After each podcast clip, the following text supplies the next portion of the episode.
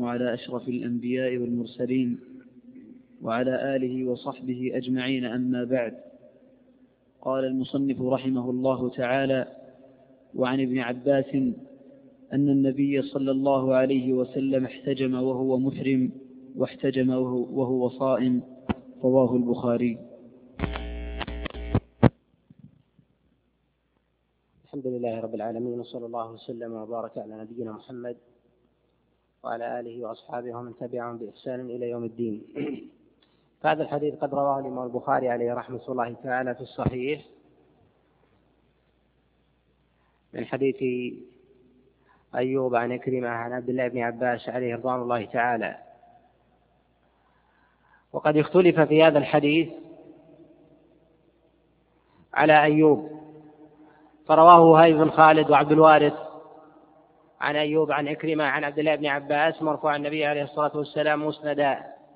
كما أخرجه الإمام البخاري عليه رحمة الله. ورواه حماد بن زيد عن أيوب عن إكرمة عن عبد الله بن عباس. وقد اختلف فيه على حماد بن زيد. فرواه تارة عن أيوب عن إكرمة مرسلا. ورواه تارة عن أيوب عن إكرمة عن عبد الله بن عباس موصلا النبي عليه الصلاة والسلام. وقد تابعه على إرساله غير واحد كمعمر بن راشد الأزدي وإسماعيل بن علية تابعوه على الإرسال. والصواب فيه أنه موصول إلى رسول الله صلى الله عليه وسلم. وقد توبع أيوب على وصله. فقد تابعه حسن بن زيد وهشام عن عكرمة عن عبد الله بن عباس عن النبي عليه الصلاة والسلام. وكما اختلف في متنه فقد كما اختلف في إسناده فقد اختلف في متنه. فتارة يذكر الصيام وتارة لا يذكر. وتارة يذكر الصيام فحسب. والصواب ذكرهما جميعا الصيام والحج. وقد احتجم رسول الله صلى الله عليه وسلم وهو محرم واحتجم وهو صائم. وهذا الذي قد رجحه الإمام البخاري عليه رحمة الله تعالى وجه ترجيحه أنه قد أخرجه في كتابه الصحيح فإذا كان الحديث أكثر من وجه واعتمد البخاري عليه رحمة الله تعالى في صحيحه وجها منها فإنه يقال قد رجحه البخاري وإن لم يكن ثمة نص لأن إخراجه له في صحيحه واعتماده عليه دل على ترجيحه له. وهذه قاعدة مطردة في كل حال. إلا إن كان ثمة نص علم البخاري عليه رحمة الله تعالى بتصحيح للحديث من وجه آخر فيكون قد أثبت الحديثين من كلا الوجهين عن رسول الله صلى الله عليه وسلم. وفي هذا الحديث دليل على جواز الحجامة للصائم وكذلك للمحرم حال إحرامه. وقد استدل بعض العلماء عليهم رحمة الله تعالى على أن الإنسان إن احتاج إلى حلق شيء من شعر رأسه إذا كان حاجا أو شيئا من شعر جسده فإنه لا حرج عليه. ومعلوم أن الإنسان إذا احتجم فإنه قطعا يزيل متعمدا شيئا من شعر رأسه أو من أعضاء جسده لأن الشعر ينبت في سائر أجزاء الجسد. وقال العلماء عليهم رحمة الله تعالى إن فعل ذلك محتاجا إليه فعليه فدية كما في حديث كعب عجرة وكذلك إن احتاج المحرم إن احتاج الصائم للحجامة فإنه يحتجم ولا شيء عليه. وهذا هو الصواب. والذي عليه جماهير العلماء وقد ذهب إليه سفيان الثوري ومالك بن أنس وأبو حنيفة والإمام الشافعي وذهب إليه من السلف ابن الزبير وكذلك سعد بن أبي وقاص وعبد الله بن عمر وغيرهم على أن الحجامة للصائم لا بأس بها وليست هي من المفطرات. وخالف في هذا الإمام أحمد عليه رحمة الله تعالى في المشهور عنه وذهب إلى هذا إسحاق بن راهوي وكذلك رجحه شيخ الإسلام تيمية عليه رحمة الله على أن من احتجم في نهار رمضان فقد أفطر وأنها من المفطرات عملا بظاهر حديث شداد بن أوس وكذلك ثوبان عن النبي عليه الصلاة والسلام بقوله أفطر الحاجم والمحجوم. والصواب أن حديث شداد بن أوس وثوبان منسوخان بحديث عبد الله بن عباس. فحديث عبد الله بن عباس إنما وقع في حجة النبي عليه الصلاة والسلام لما حج معه. وأما حديث أفطر الحاجم والمحجوم فهو قبل ذلك ما نص على ذلك الإمام الشافعي عليه رحمة الله تعالى في كتابه الأم. ولا يصح في إفطار الحاجم والمحجوم عن رسول الله صلى الله عليه وسلم خبر إلا حديث ثوبان وشداد بن أوس ويأتي الكلام عليهما. نعم. الله وعن شداد بن أوس أن النبي صلى الله عليه وسلم أتى على رجل في البقيع وهو يحتجم وهو آخذ بيدي لثمان عشرة لثمان عشرة خلت من رمضان فقال أفطر الحاجم والمحجوم. رواه الإمام أحمد وأبو داود وهذا لفظه والنسائي وابن ماجه وابن حبان والحاكم وقال هذا حديث ظاهرة صحته. وصححه أيضا أحمد وإسحاق وابن المديني وعثمان الدارمي وغيرهم. وقال ابن خزيمة ثبتت الأخبار عن النبي صلى الله عليه وسلم أنه قال أفطر الحاجم والمحجوم. هذا الحديث قد أخرجه من ذكره المصنف عليه رحمة الله تعالى من حديث أبي قلابة عن أبي الأشعث عن شداد بن أوس واختلف فيه على أبي قلابة فرواه عنه خالد الحذاء ورواه عنه أيوب ورواه عنه عاصم الأحول رواه متابعا متابعا له. وقد اختلف فيه على أبي قلابة من وجوه فرواه سفيان الثوري وشعبة بن الحجاج وسفيان بن حبيب ويزيد بن زريع وكذلك هشام وإسماعيل بن علية وابن أبي عدي كلهم رووه عن أبي قلابة عن خالد الحذاء عن أبي قلابة عن أبي الأشعث عن شداد بن أوس عن رسول الله صلى الله عليه وسلم. وقد خولفوا فيه فرواه إسماعيل بن عبد الله بن الحارث عن خالد الحذاء عن أبي قلابة عن أبي أسماء الرحبي عن شداد بن أوس فأسقط أبا الأشعث وجعل مكانه أبا أسماء الرحبي وإسماعيل بن عبد الله بن الحارث مجهول وحديثه منكر ولا يقبل في مخالفة لأئمة الثقات. وكذلك قد رواه أيوب بن أبي تميم السختياني موافقا للجماعة. بذكر أبي الأشعث عن شداد بن عوس عن رسول الله صلى الله عليه وسلم. وكذلك قد رواه منصور بن زادان ورواه عاصم الأحوال عند النسائي عليه رحمة الله تعالى في سننه. فرواه متابعين لخالد الحذاء فرواه عن أبي قلابة عن أبي الأشعث عن شداد بن عوس. رواه عن عاصم الأحول جماعة على هذا الوجه. رواه شعبة بن الحجاج وسفيان الثوري وسفيان بن حبيب وغيرهم. وخولفوا فيه فرواه يزيد بن هارون ويزيد بن زريع وسعيد بن أبي عروبة وحماد وغيرهم.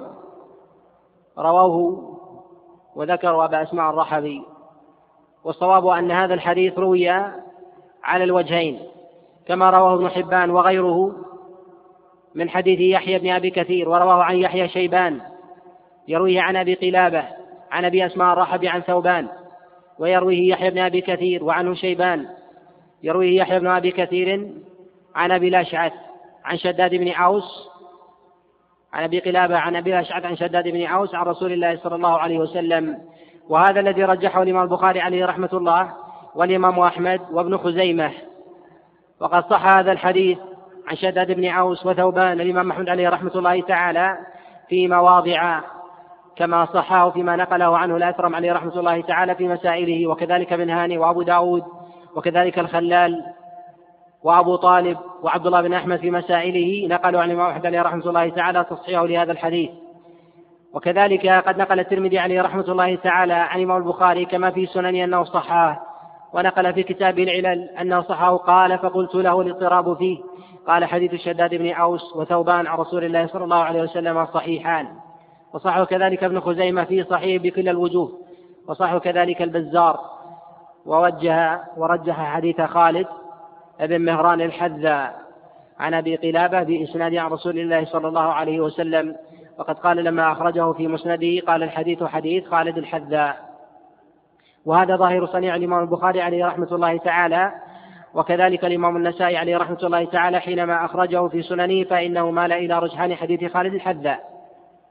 وقد جاء في هذا جملة من من الآثار عن بعض السلف من التابعين والذي عليه الجماهير من الصحابة عليهم رضوان الله تعالى وجماهير الأئمة على أن الحجامة لا تفطر الصائم. وكما تقدم فهذا القول هو قول عبد الله بن عمر وسعد بن أبي وقاص وابن الزبير وسفيان الثوري ومالك بن أنس وأبي حنيفة والإمام الشافعي عليه رحمة الله. وذهب الإمام أحمد عليه رحمة الله تعالى في المشهور عنه وهو قول إسحاق بن راهويه ورجح هذا الشيخ الإسلام تيمية عليه رحمة الله تعالى في مواضع أن الحجامة على الصائم تفطر. الصواب أنها لا تفطر وقد جاء في جملة في جملة من الآثار عن الصحابة عليهم رضوان الله تعالى كما روى الإمام مالك عن نافع عن عبد الله بن عمر عليه رضوان الله تعالى أنه كان يحتجم وهو صائم ثم تركه.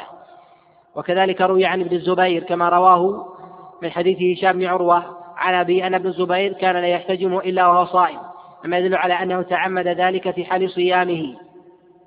ومثل هذا لا يجهل فلو كان ثمة نص عن رسول الله صلى الله عليه وسلم قاطع لأمن به. وكذلك ثبت عن سعد بن وقاص عليه رضوان الله تعالى كما رواه عنه ابنه عامر بن سعد بن أبي وقاص عن أبيه أنه كان يحتجم وهو صائم.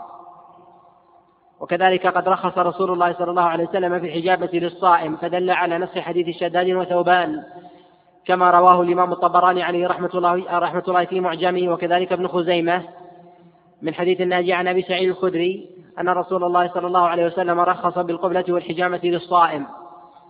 وإنما نهى رسول الله صلى الله عليه وسلم عن الحجامة للصائم كراهة الضعف فإن الإنسان إذا عطش أو جاع وسلب منه دم سواء بجرح أو بحجامة فإن بدنه يضعف. ولذلك نهى النبي عليه الصلاة والسلام عن الحجامة من هذا الوجه. ويؤيد هذا ما رواه الإمام البخاري عليه رحمة الله تعالى في صحيح من حديث شعبة عن ثابت عن أنس أنه قال إنما كرهت الحجامة للصائم مخافة الضعف. وروي هذا عن عبد الله بن عباس عليه رضوان الله تعالى كما رواه الإمام الطحاوي عليه رحمة الله تعالى في شرح معاني الآثار بإسناد جيد عنه. وهذا فيصل في المسألة. ما يدل على أن عمل الصحابة عليهم رضوان الله تعالى على أن الحجامة لا تفطر. ولا أعلم نصا صريحا صحيحا عن أحد من أصحاب رسول الله صلى الله عليه وسلم أن الحجامة تفطر إلا ما جاء عن عبد الله بن عمر وليس بصريح وإنما كان يحتجم ثم ترك وتركه له إما من باب التورع وإما من عدم الحاجة. ويشرع للإنسان الاحتياط في هذا فإن لم يحتج فإن لم يحتج للحجامة حال صيامه أن يؤخرها إلى مبعد الغروب. وهذا هو الأولى وهو من مواطن من مواطن الاحتياط. كذلك فإن النصوص حال النظر إليها والأصول تدل على أن الحجامة لا تفطر من وجوه. وذلك أن الصيام ركن من أركان من أركان الإسلام. كما جاء في حديث عبد الله بن عمر عليه رضوان الله تعالى وكذلك حديث أبي هريرة في قصة جبريل في الصحيحين وغيرهما وكذلك حديث عبد الله بن عمر عن أبيه في قصة جبريل أيضا أن الإسلام ركن أن الصيام ركن من أركان الإسلام. كما سأل النبي عليه الصلاة والسلام سأله جبريل عن الإسلام قال أن تشهد أن لا إله إلا الله وأن محمدا رسول الله. وتقيم الصلاة وتؤتي الزكاة وتصوم رمضان وتحج البيت إن استطعت إليه سبيلا. وما ينقض وما ينقض ذلك الركن. لا بد أن يكون معلوما مشتهرا من المسلمات والنصوص فيه ظاهرة. فإذا جاء حديث عن رسول الله صلى الله عليه وسلم في ذلك وكان ذلك المفطر مشهور العمل به ولم يشتهر فإنه دل على نكران ذلك الخبر ويكفي في هذا أن الصحابة عليهم رضوان الله تعالى قد ذهبوا إلى خلافه. وهذا قاعدة أغلبية. وعامة في كثير من المسائل أن كلما كانت العبادة متأكدة في الشرع وكان ما يفسدها موجود في عصر النبي عليه الصلاة والسلام والحاجة إليه ماسة ولم يأتي نص صريح فيه فإنه لا يقال به خاصة في أركان الإسلام وأضرابها من مشهور المسائل وأعلامها. وهذا قد أشار إليه جملة جملة من العلماء في أمثال في أمثال هذا الأمر. والوجه الآخر أن النصوص التي جاءت في بيان تفطير بعض تفطير الصائم إذا فعله. قد جاءت مشتهرة عن رسول الله صلى الله عليه وسلم بطرق متعددة. قد تقرب إلى التواتر كحال الأكل والشرب وحال الجماع ونحوها. فلما لم تكن الحجامة كذلك دل على أنها ليست مثلها. والأمر الثالث أن المفطرات الأصل فيها أنها ما تغني الصائم عن حاجته لطعام وشراب.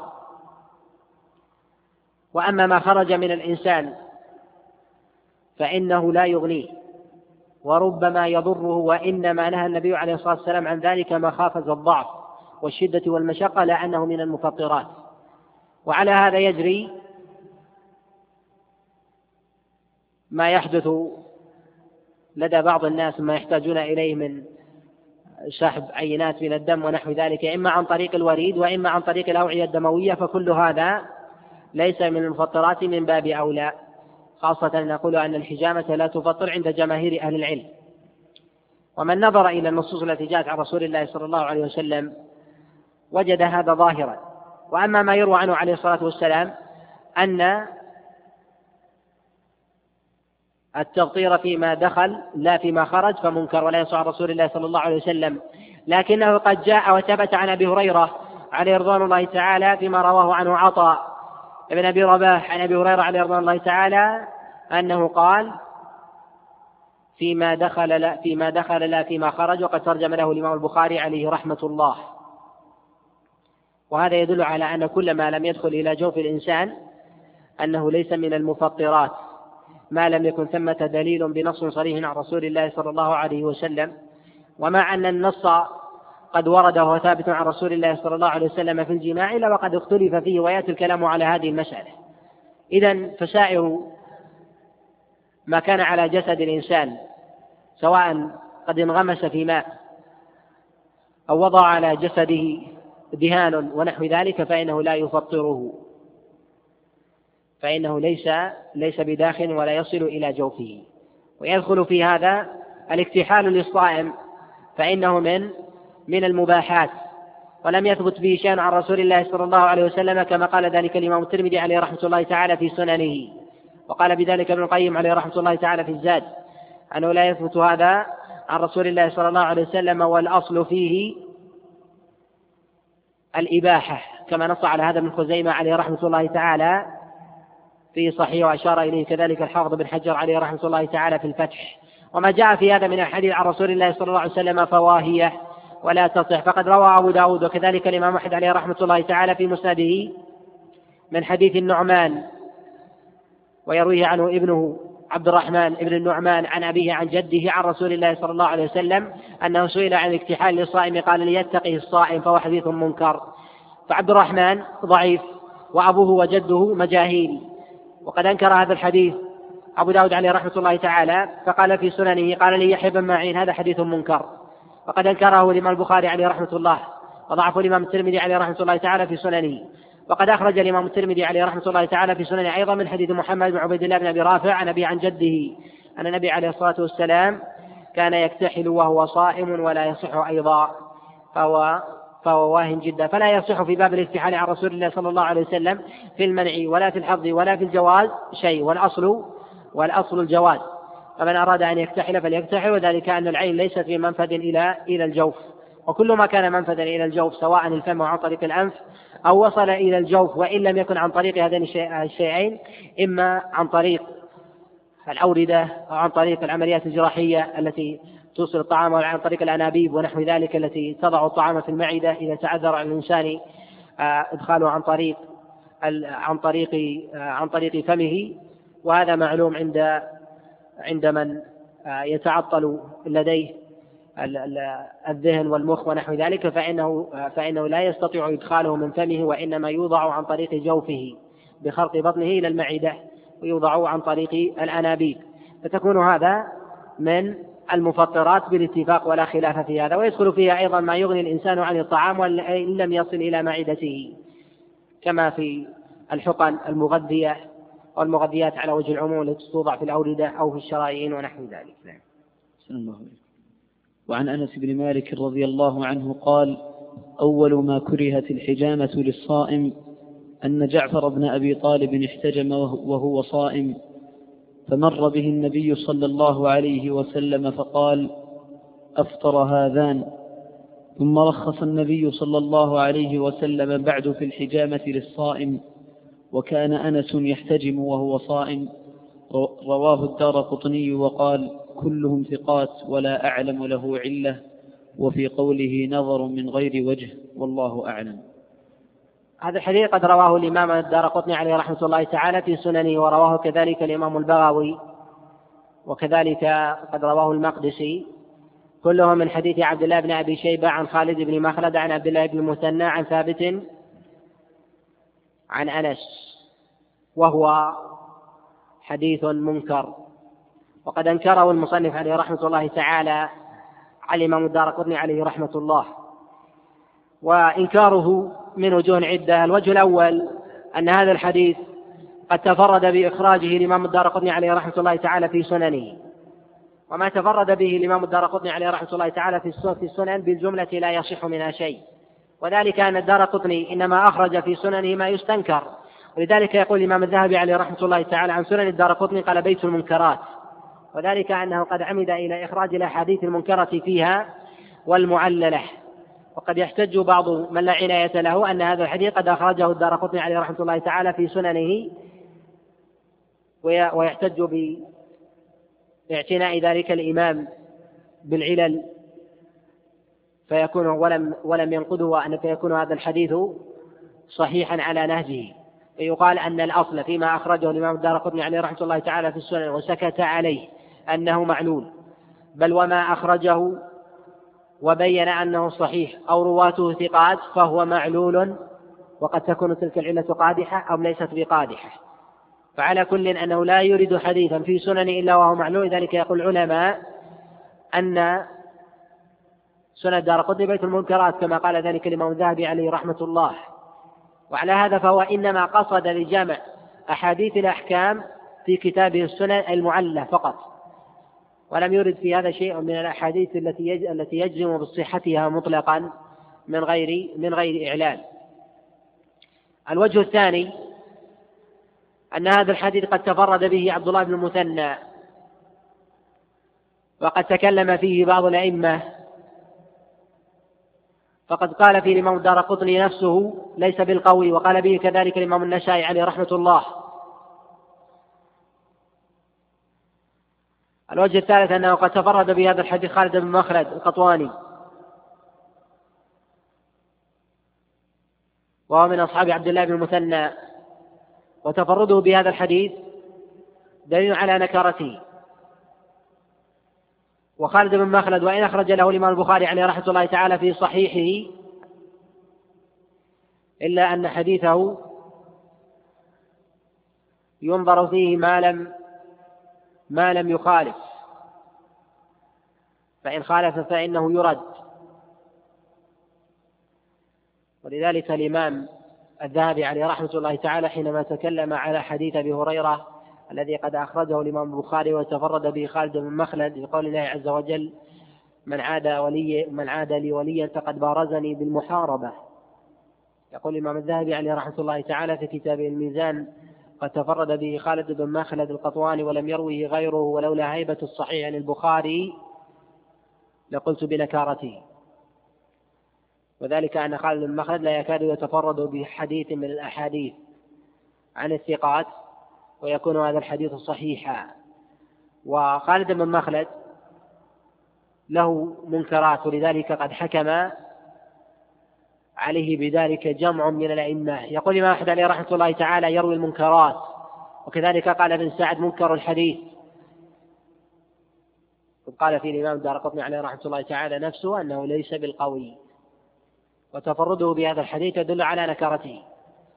الوجه الرابع أن هذا الحديث فيصل في المسألة. فأين الحفاظ الثقات عنه؟ ولو كان ثابتا عن رسول الله صلى الله عليه وسلم.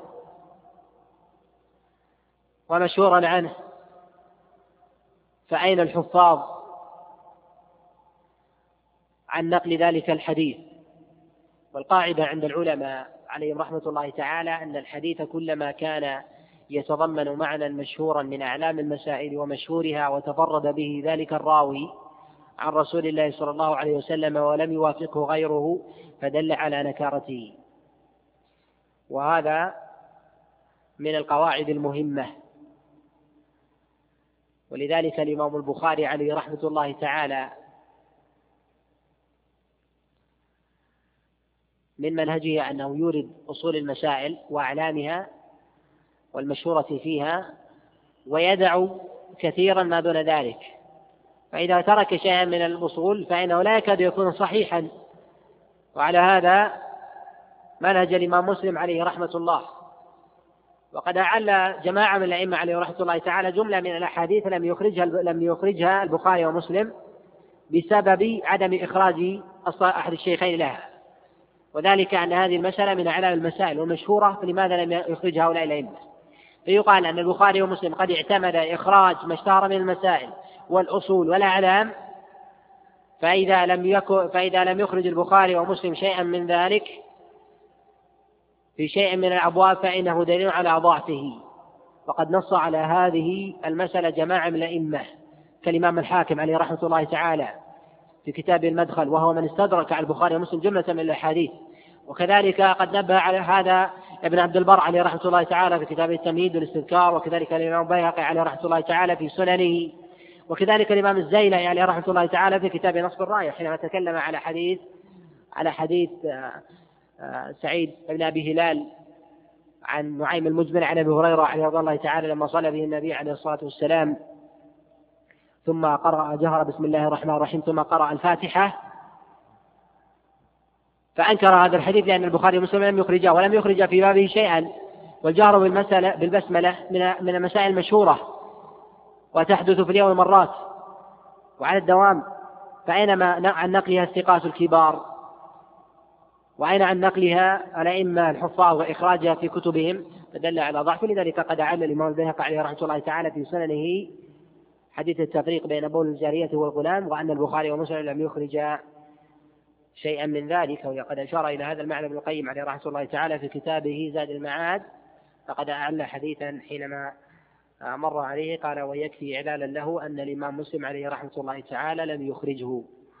وهذا يكون أظهر في مسائل في الزيادات التي قد جاءت في حديث والحديث أصله في البخاري. ولذلك ظاهر صنيع البخاري عليه رحمة الله تعالى أنه يرى أن الحجامة لا تبطل. فقد أخرج حديث عبد الله بن عباس ولم يخرج من سواه. في أن النبي عليه الصلاة والسلام قد احتجم وهو صائم ولم يخرج ما عداه من مما يخالف مما يدل على اعتماده على هذا الحديث والأخذ به. دل على أن الحجامة على أن الحجامة لا تفطر. وكذلك منهج العلماء عليهم رحمة الله أن الحديث إذا لم يروه أصحاب الأصول من الأئمة الكبار ورواه من جاء بعدهم فإن هذا قرينة على إعلاله. ولذلك من نظر إلى صنيع العلماء بالصبر وتتبع كلامهم حالما يتكلمون عن الأحاديث وجد أنهم لا يكادون يصححون حديثا قد تفرد بإخراج الإمام الإمام الدار قطني عليه رحمة الله أو الحاكم أو الإمام البيهقي أو ابن عساكر أو الخطيب البغدادي أو الديلمي أو الضيف المختارة وغيرهم من أصحاب الأجزاء والمسانيد لا يخرجون لا يصحون شيئا مما تفردوا بإخراجه. أما فيما يوافق الثقات فإنه فإنهم يقبلونه.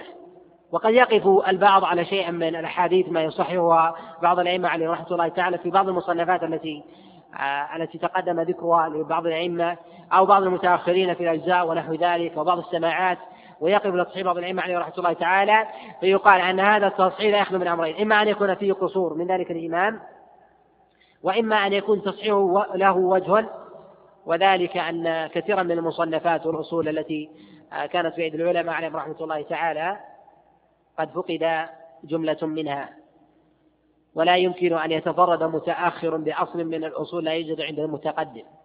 ولذلك العلماء عليهم رحمة الله تعالى يقولون بالجملة أن من جاء بعد القرن الثالث أنه لا ينفرد بشيء من الأحاديث الصحيحة. وقد أشار إلى هذا المعنى الإمام الذهبي عليه رحمة الله تعالى في كتابه السير وقد جعل الفيصل بين بين تصانيف العلماء عليهم رحمة الله تعالى الأوائل المتأخرين. في أواخر القرن الثالث. قال فمن عاش أكثر عمره في القرن الثالث فإنه قد ينفرد بشيء بشيء صحيح وهذا معلوم بالنظر. ومن تأمل ذلك وجده ظاهرا صريحا في استعمالات الأئمة عليهم رحمة الله تعالى. ولذلك قلنا بعلال هذا الحديث بتفرد الإمام الدارقطني عليه رحمة الله تعالى بإخراجه ولم يروه أحد إلا من طريقه. ولذلك قد رواه المقدسي عليه رحمة الله تعالى من طريق الإمام الدارقطني عليه رحمة الله. وجل هؤلاء الأئمة الذين جاءوا في فيما تأخر إنما يرون سماعات وأجزاء ومصنفات كصنيع الإمام البيهقي عليه رحمة الله تعالى فقد جاء في سنن أبي داود ونثرها ونثرها في سننه وجاء ببعض الأجزاء آه، من صحيح الإمام البخاري وكذلك جاء بعض الأجزاء من صحيح الإمام مسلم بعض السنن وكذلك بعض الأجزاء الحديثية المنفردة ك آه، نصر سعدان بن نصر قد وضع جزءه في كتابه السنن.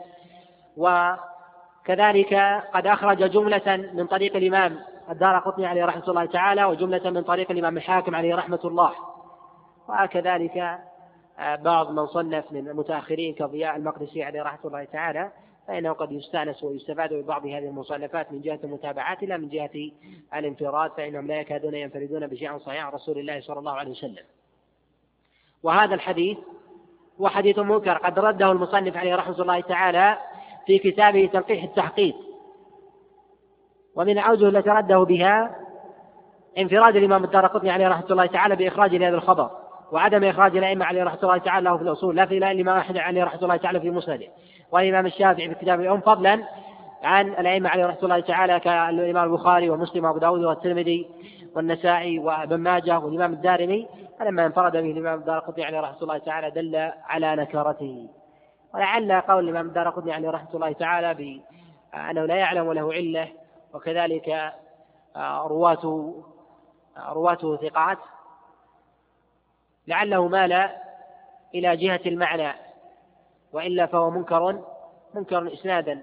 ويظهر من هذا أن الإمام الدارقطني عليه رحمة الله تعالى يرى عدم فطر الصائم بالحجامة. وأما أن يكون الحديث كله ليس معنى سادة ومثلا فهذا بعيد فلا يجري على أصول العلماء عليهم رحمة الله نعم. الله. وعن أبي هريرة قال قال رسول الله صلى الله عليه وسلم من نسي وهو صائم فأكل أو شرب فليتم صومه فإنما أطعمه الله وسقاه متفق عليه وهذا لفظ مسلم وللبخاري فأكل وشرب والدار قطني والحاكم وصححه من أفطر في رمضان ناسيا فلا قضاء عليه ولا كفارة.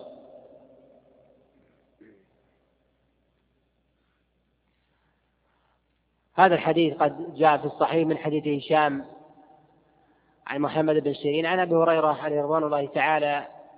وأما الزياده التي جاءت عند الدار قطني عليه رحمة الله تعالى وغيره فقد رواها من حديث محمد بن مرزوق عن محمد بن عبد الله. عن محمد بن عمر عن أبي سلمة عن أبي هريرة عليه رضوان الله تعالى. قد تفرد بهذه اللفظة.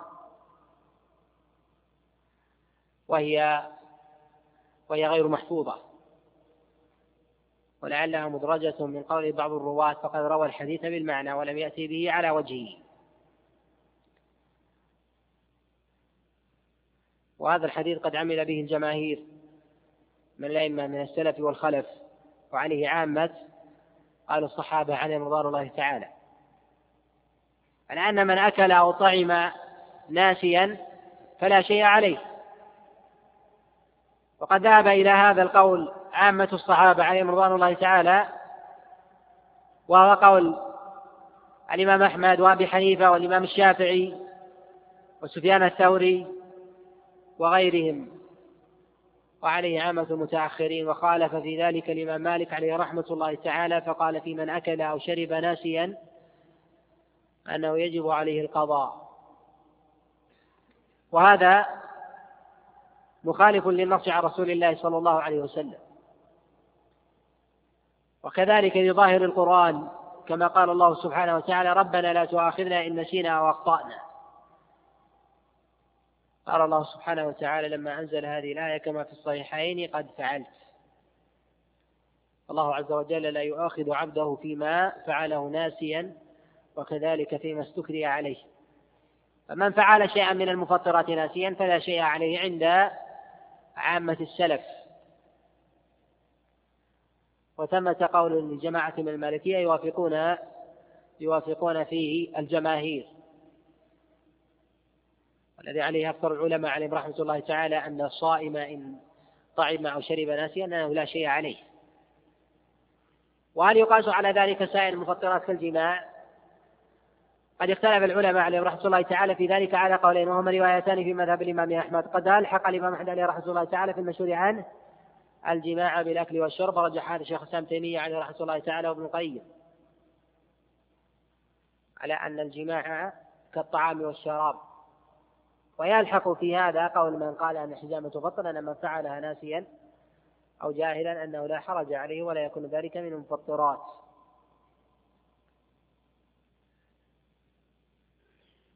وفيه دليل على أن الإمساك عن الطعام والشراب هو الأصل وهو أصل المفطرات.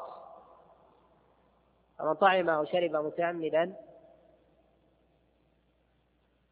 فقد أفطر بالاتفاق. ولا خلاف في ذلك إلا ما يروى عن طلحة بن عبيد الله في مسألة أكل البرد للصائم. وهو صحيح عنه لكن لم يعمل به أحد من العلماء لا من السلف ولا من الخلف. كما نبه على هذا الإمام ابن رجب عليه رحمة الله تعالى في أوائل شرح العلل.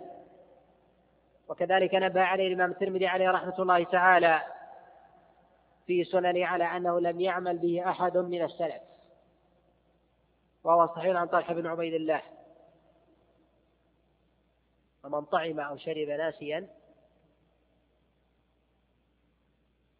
فلا فلا شيء عليه.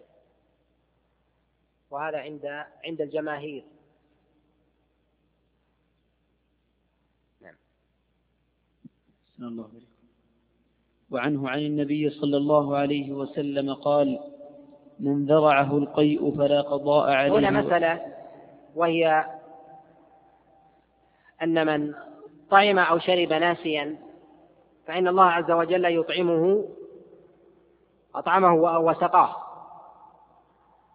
فمن طعم أو شرب ناسيا ورآه شخص هل ينكر عليه أم لا؟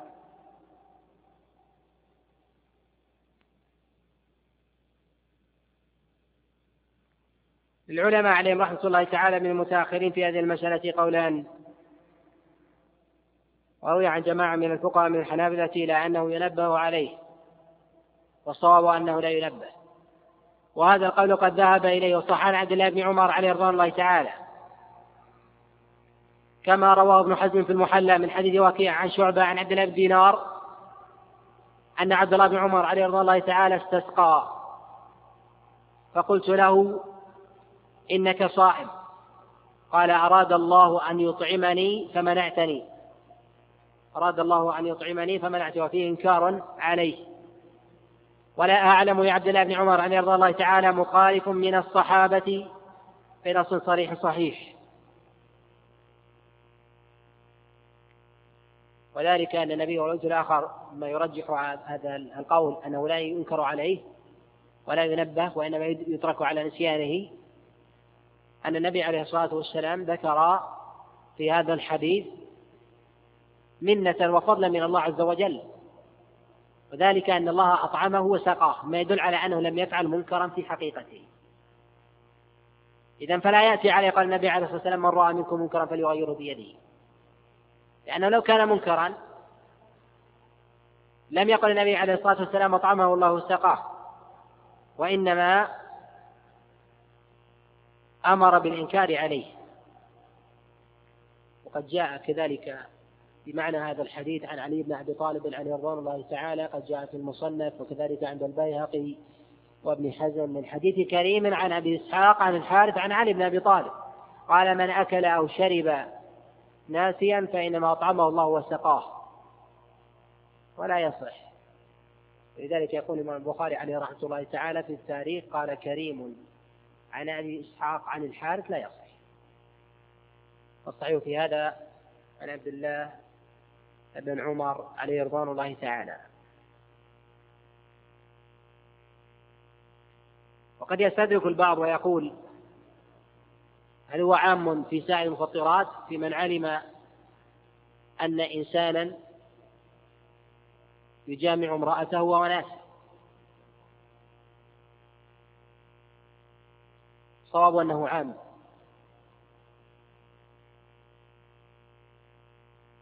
ويخرج في هذا ويخرج من هذا المرأة. إذا أراد زوجها جماعها وهي وهو ناسي وذلك أن الحكم يشملها. لكن لو قيل أن المرأة مفطرة والرجل صائم هل تنبهه أم لا؟ ظاهرها أنها لا تنبهه ولا شيء عليها هذا هو ظاهر النص وظاهر فعل عبد الله بن عمر والله أعلم نعم. بسم الله عليكم. نعم. صائمة ذكرنا هي تقع في الأسماء. نعم. بنفسها قبل. وعنه عن النبي صلى الله عليه وسلم قال من ذرعه القيء فلا قضاء عليه ولا كفارة ومن استقاء فعليه القضاء. رواه أحمد وأبو داود قال سمعت أحمد يقول ليس من ذا شيء. والنسائي وابن ماجه وهذا لفظه. والترمذي وقال حديث حسن غريب. وقال قال محمد يعني البخاري لا أراه محفوظا. والدار قطني وقال في رواته كلهم ثقات والحاكم وقال صحيح على شرطهما ورواه النسائي أيضا موقوفا وقد روي عن أبي هريرة أنه قال في القيء لا يفطر.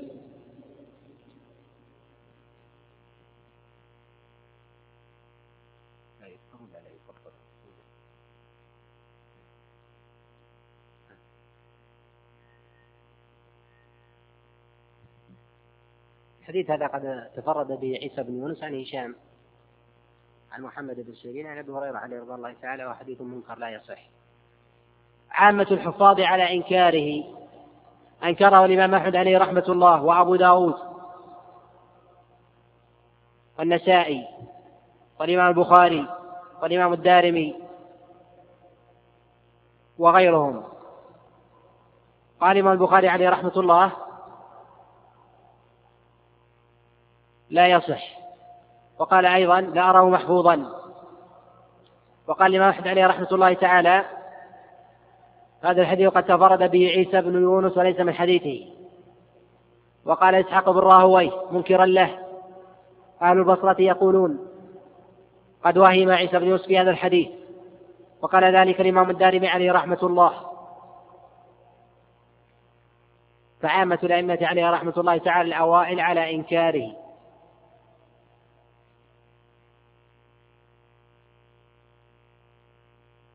والصواب في هذا الحديث أنه هو الحديث السابق فوهم عيسى بن يونس فيه وهشام عن ابن سيرين عن أبي هريرة رضي الله تعالى من أكل أو شرب ناسيا وليس في القيد فوهم فيه فوهم فيه عيسى بن يونس.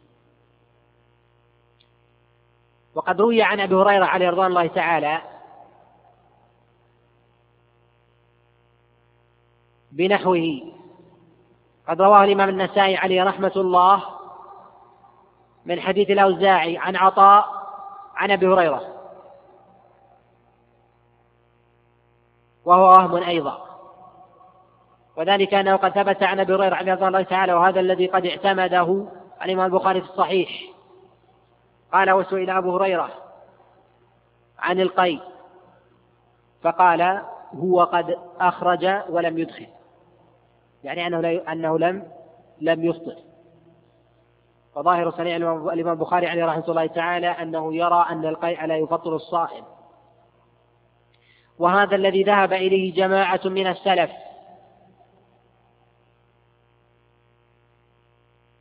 كعكرمة مولى عبد الله بن عباس وسعيد المسيب وروي وليس بصريح عن عبد الله بن عباس وأبي هريرة صريحا.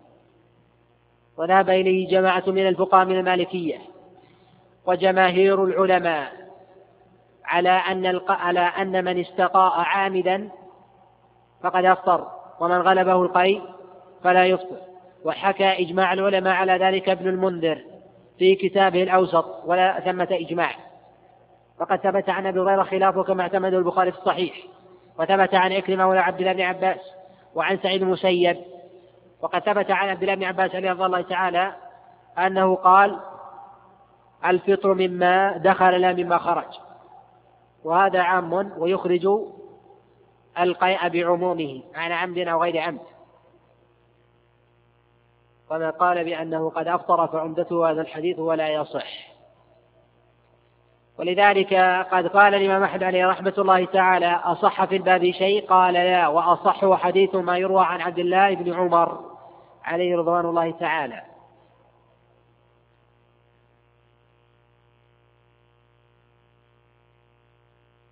وعليه فلا يصح في باب القيء عن رسول الله صلى الله عليه وسلم شيء. لا في الفطر ولا في عدمه فيبقى على الأصل.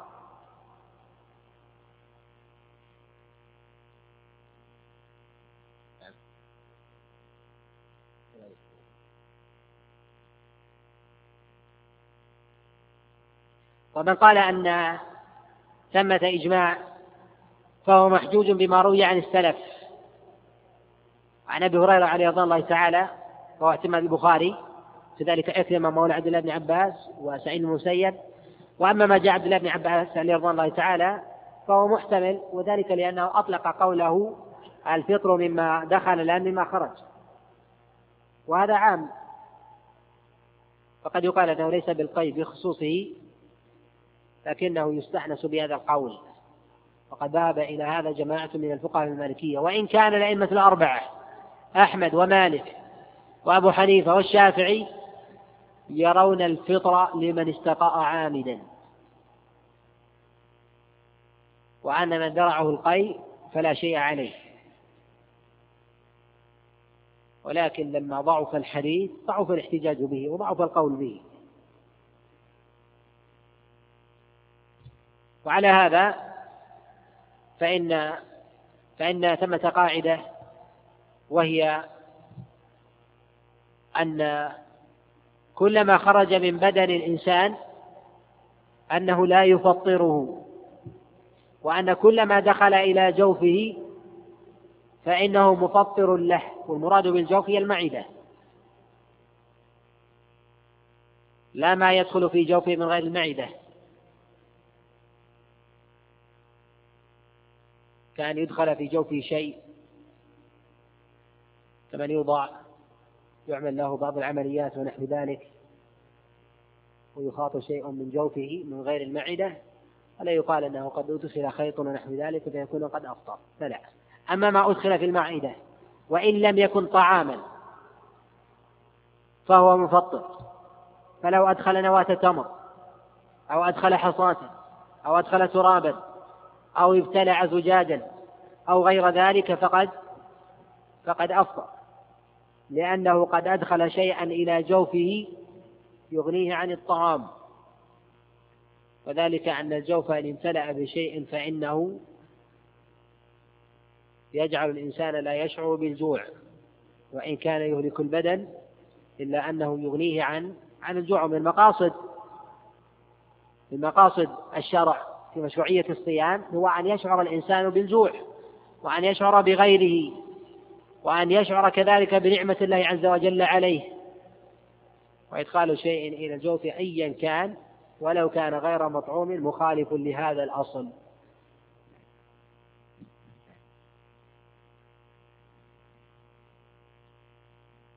مغذيات بالإجمال لأنها تغني تغني عن الطعام. أما ما يوضع أما ما يأخذ الإنسان عبر الوريد فإن كان دواء وليس بمغذي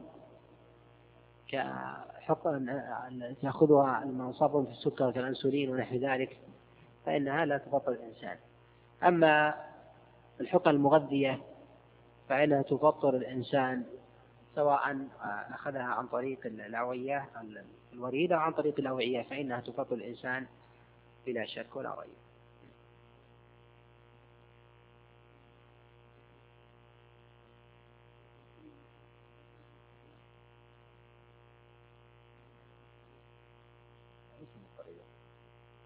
ليس مضطردا. هذا هو أغلبي ولكنه ليس ليس بمضطرب فقد ينهك الإنسان ويضعفه عمل وجهد وذهاب ومجيء وكثرة الصلاة ونحو ذلك فلا يقال بذلك.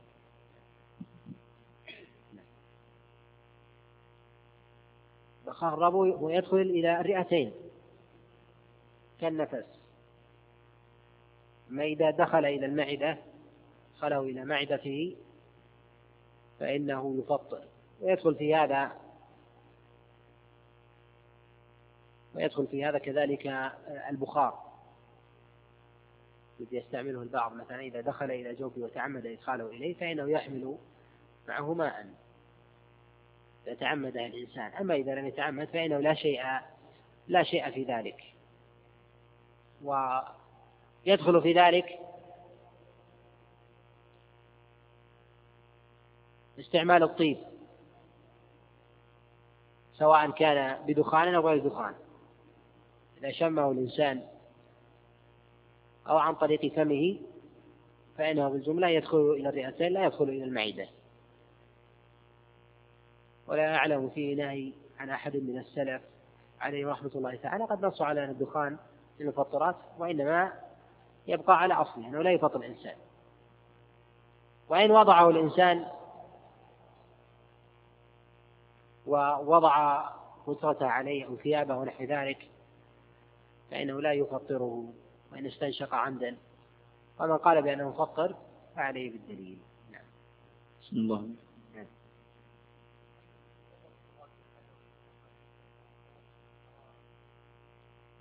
إذا كانت دواء فالدواء شيء والمغذيات شيء آخر. يعني إذا كان دواء الدواء هذا لا يصل إلى المعدة وإنما آه، يعين الإنسان على جسده.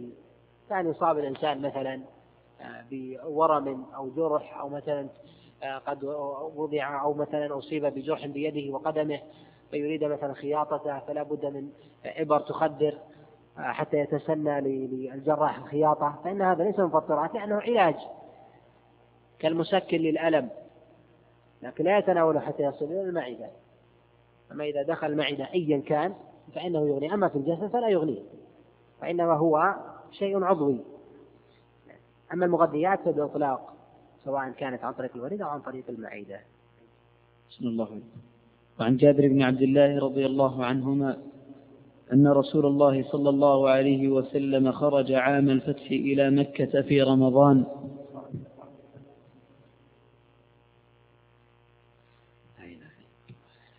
ويسأل عن حديث من غسل واغتسل وبكر وابتكر. الحديث قد رواه ابن خزيمة والبيهقي وكذلك عند الإمام أحمد وإسناده صحيح. قد أشار إلى شيء إلى علته الإمام البيهقي في السنن بشيء ما لا يعل. الصواب أنه صحيح.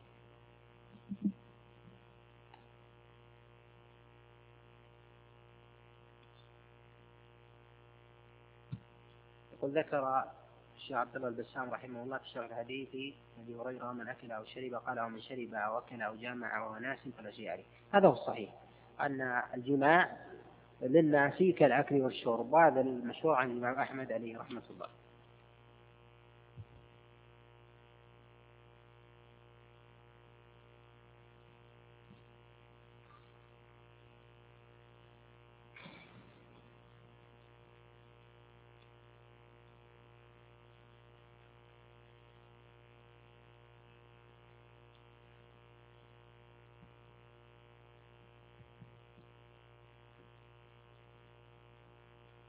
يقول من رأي في كتاب السراج الوهاج في كشف مطالب اسم الحجاج القنوجي. هذا الكتاب لا جديد فيه وإنما هو تعليقات. والإمام القنوجي عليه رحمة الله هو يأخذ من هنا ومن هنا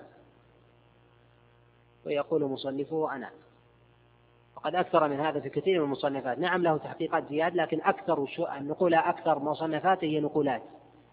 ينقل من الإمام الشوكاني وينقل من الصنعاني. ويأخذ من هنا وكذلك تفسيره كذلك فإنه جله نقولات. نعم.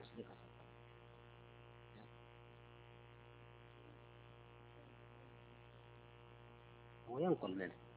الشوكاني هو يأخذ من ابن حجر في الفتح ينقل بالصفحة والصفحتين ثم بلي بصديق حسن خان عقبه بمثل ما فعل.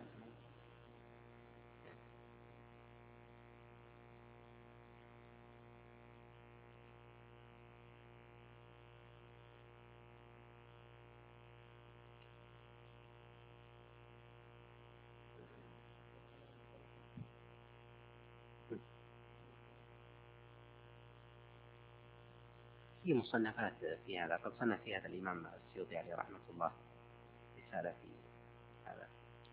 لها لها أنواع ولها اعتبارات وقد رخص فيها بعضهم باعتبار أن العلم مشاع ليس لأحد فيه حق.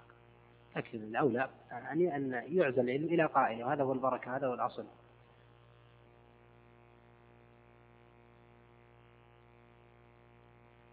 يقول بعض الأحاديث الصحاح التي لم يصل إليها البخاري ومسلم وهي معادلة القاعدة.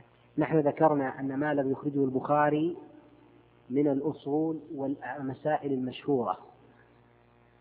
هذا هو مقيد بقيد.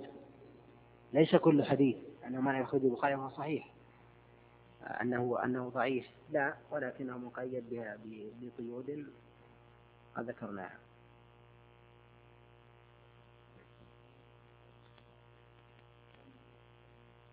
ما يصح صواب أنه لم يصم النبي عليه الصلاة والسلام عليه. وقد عل هذا الحديث هذا سائر الكفار. قل ما حكم الاكتحال عموما للرجال؟ لا بأس به. وعلى الجواز الاستحباب. قد اكتحل النبي عليه الصلاة والسلام وترك. كلها ثابتة.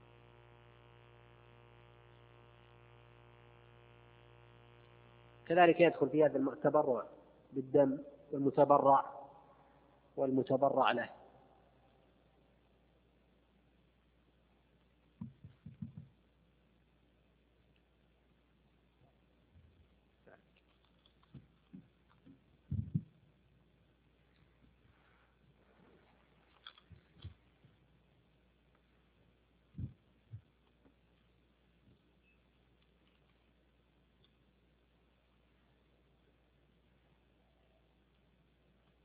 يقول ألا تكون المرأة المفطرة التي أراد زوجها جماعها وناس مشاركة له في إفطاره. هي معذورة إذا كانت مفطرة هي لا يجب عليها الصوم. كمن آه، كانت معذورة آه، بمرض تأخذ دواء ونحو ذلك والرجل ليس بمعذور. هذه نادرة نحن أشرنا إليها لأنها لا تكاد أشرنا إليها من باب أنها قد ترد للإنسان لكن أن تكون المرأة معذورة والزوج ليس معذور وينسى الزوج وتتذكر المرأة هذه لها ضوابط يعني يندر حصولها.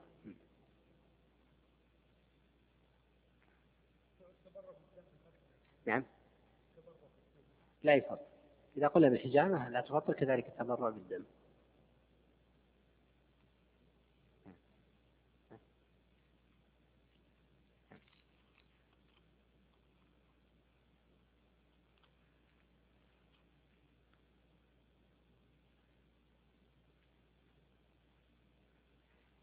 يقول هل هذه قاعدة أنه لا ينفرد متأخر بشيء عن المتقدم فيصح هل هي عامة في المرفوع الموقوف؟ لا في المرفوعات فقط. وفي في المرفوعات فقط وفي المرفوعات بقيد. في مسائل في مسائل الأصول أنه لا يتفرد بشيء. لا يقال أنه لا يخرج شيئا لا بد أن يكون قد تفرد. يقول حديث من صلى قبل العصر أربعا. حديث من صلى قبل العصر أربعا قد أخرجه الإمام أحمد وأهل السنن. حديث محمد بن مسلم بن مهران عن أبيه عن عبد الله بن عمر عليه رضي الله تعالى وقد تفرد به ابن مهران وفيه جال مقل الرواية وقد قال ببطلان هذا الحديث أبو زرع عليه رحمة الله وعله الإمام الترمذي عليه رحمة الله تعالى في سننه وكذلك أبو حاتم عليه رحمة الله وقد جاء من وجه آخر عن علي بن أبي طالب من حديث حبيب من حديث ضمرة عن علي بن أبي طالب عليه رضوان الله تعالى وقد قال بإنكاره ابن مبارك. كما نقل الترمذي في سننه فقال هو حديث كذب. حكم تذوق الطعام المرأة. تذوق الطعام كالمضمضة. إذا كان الماء يفطر الإنسان إذا دخل جوفه كذلك الطعام. إذا دخل في الفم ثم أخرجه لا حرج لا حرج عليه.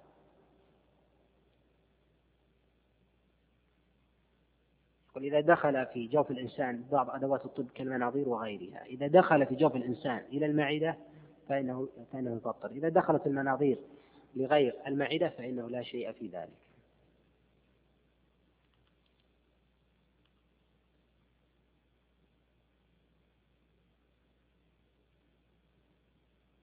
يقول كيف نخرج إنزال المني من حديث يدع طعامه وشرابه وشهوته مع أن إنزال المني يكون في الملامسة ونحو ذلك. نحن لم نخرجه.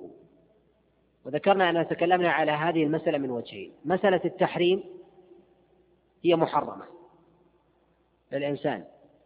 أن أن يباشر زوجته بإنزال بغير الفرج لأنه منهي عن إتيان شهوته في رمضان. لأن الله عز وجل يقول يدع طعامه وشرابه وشهوته من أجله فتكون هذه من المحرمات. لكن مسألة التفطير هل يفطر بذلك هذه مسألة أخرى. كما أننا نغلظ باب الغيبة وغلظ الشارع في باب الغيبة في يدع من لم يدع قول الزور والعمل به فليس لله حاجة بأن يدع طعامه وشرابه. قول الزور والعمل به من المحرمات سواء في رمضان أو في غيره لكن نص عليه هنا لأنه أشد حرمة. لكن هل قلنا أنه يفطر؟ لا يفطر. إذا فمسألة التحريم شيء ومسألة التفطير شيء آخر. فلا تلازم بينهما. ما حكم تبيت النية لمن أراد أن يصوم صوما واجبا كصيام المتمتع بالعمرة إلى الحج. هذا باتفاق الأئمة الأربعة. حتى أبو حنيفة عليه رحمة الله تعالى لم يذهب إلى وجوب تبيت النية من الليل في الفريضة إلا في الفرض المتعين في النذر المتعين ونحو ذلك. قال فيجب عليه أن أن ينوي من الليل.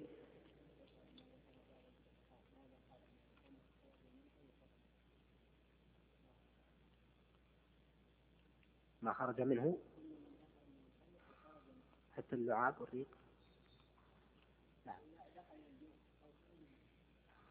كل ما دخل الجوف لا شك انه يفضل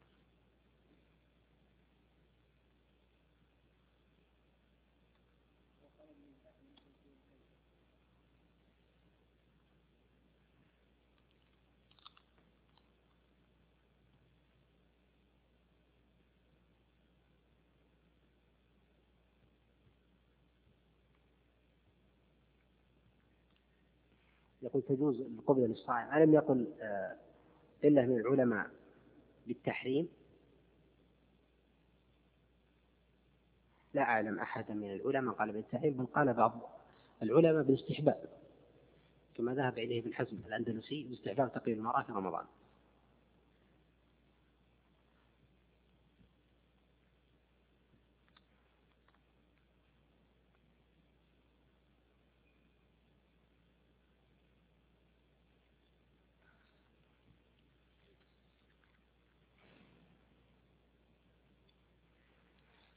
يقول إذا وجد الصائم طعم الكحل في حلقه فليفطر أم لا؟ الكحل لا يصل العين الجملة ليست منفذ إلا فيما ندر في أحوال نادرة يصل الطعم لكن لو قدر وحصل فإنه يفطر إذا وجد طعمه في حلقه الأصل ليست منفذ فتجوز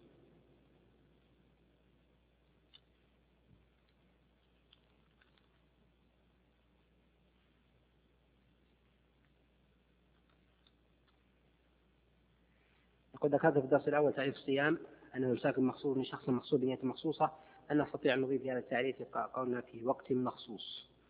آه، وقت مخصوص داخل في الإمساك المخصوص. إمساك مخصوص داخل في مالك لعله لم يبلغه الدليل في مسألة من أكل أو شرب ناسيا لعله لم يصل إليه الدليل وإلا لقال به. يقول هل السواك بنية ترطيب الفم هل هو يفطر أم لا؟ لا يفطر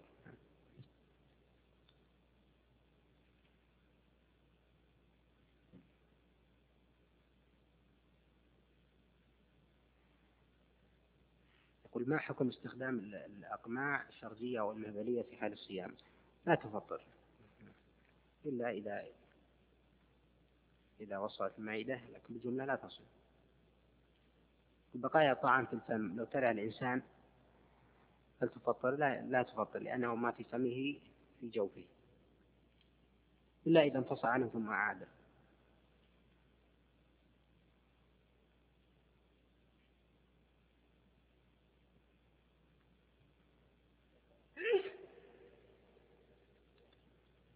يأتي الكلام عليه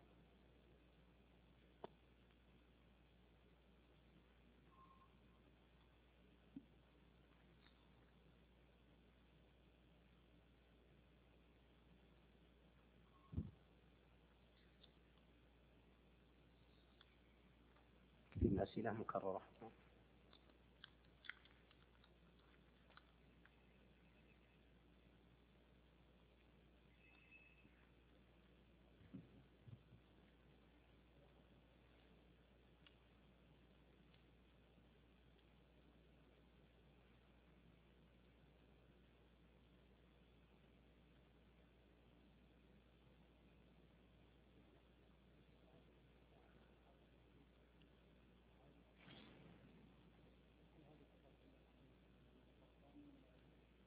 حديث من فطر صائما علته الانقطاع بين عطاء وبين زيد بن خالد الجهني هي علة واحدة فقط.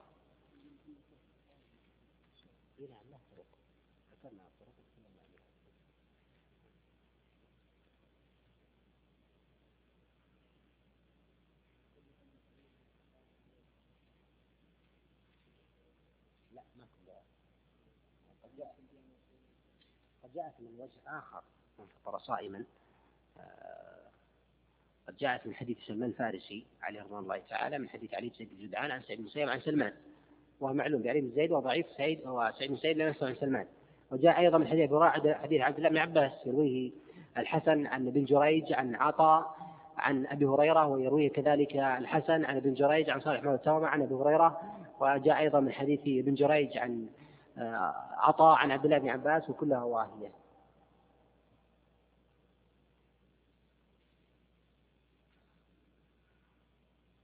ما معنى عبارة هذا حديث منكر؟ حديث منكر يطلقها العلماء عليهم رحمة الله تعالى ويريدون بها معاني. المعنى الأول أن هذا الحديث لم يوافق عليه أو لم يروى مثله من هذا الوجه فيكون قد تفرد به. والمعنى الثاني أن يكون هذا الراوي قد وافق الأصول لكنه قد انفرد بهذا المتن. فيقولون عنه حديث منكر. لذلك بعض العلماء يقول على بعض الأحاديث الصحيحة هذا حديث منكر باعتبار أنه بهذا اللفظ وهو صحيح لم يأتي به إلا من هذا الوجه. لذلك يقول الإمام أحمد عليه رحمة الله تعالى في أحد سعيد الأنصاري يقول أنه يروي المنكرات والمنكرات حديث إنما العمل بالنيات وفي الصحيحين لأنه لم يروه لم يروه غيره. ومن المعاني أيضا أنه منكر مراد به منكر المتن أنه قد رواه وقد خالف فيه الأصول. فيراد أما يقول عن معنى كلمة بالجملة وفي الجملة ونحو ذلك؟ في الجملة لأنه ينظر المخالفة في هذا لا من جهة العلماء أو من جهة المسائل. فيقال آه، بأن أن العلماء عليهم رحمة الله تعالى جملة قالوا بذلك أنه لهم مخالف لكنه ينظر. وهذه أقل مرتبة مسألة الإجماع.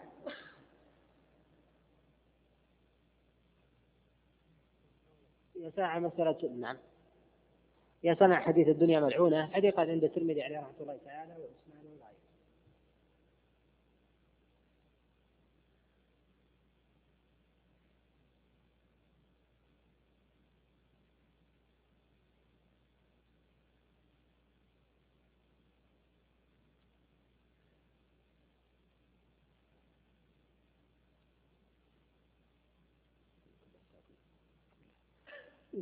صلى الله وسلم وبارك على نبينا محمد.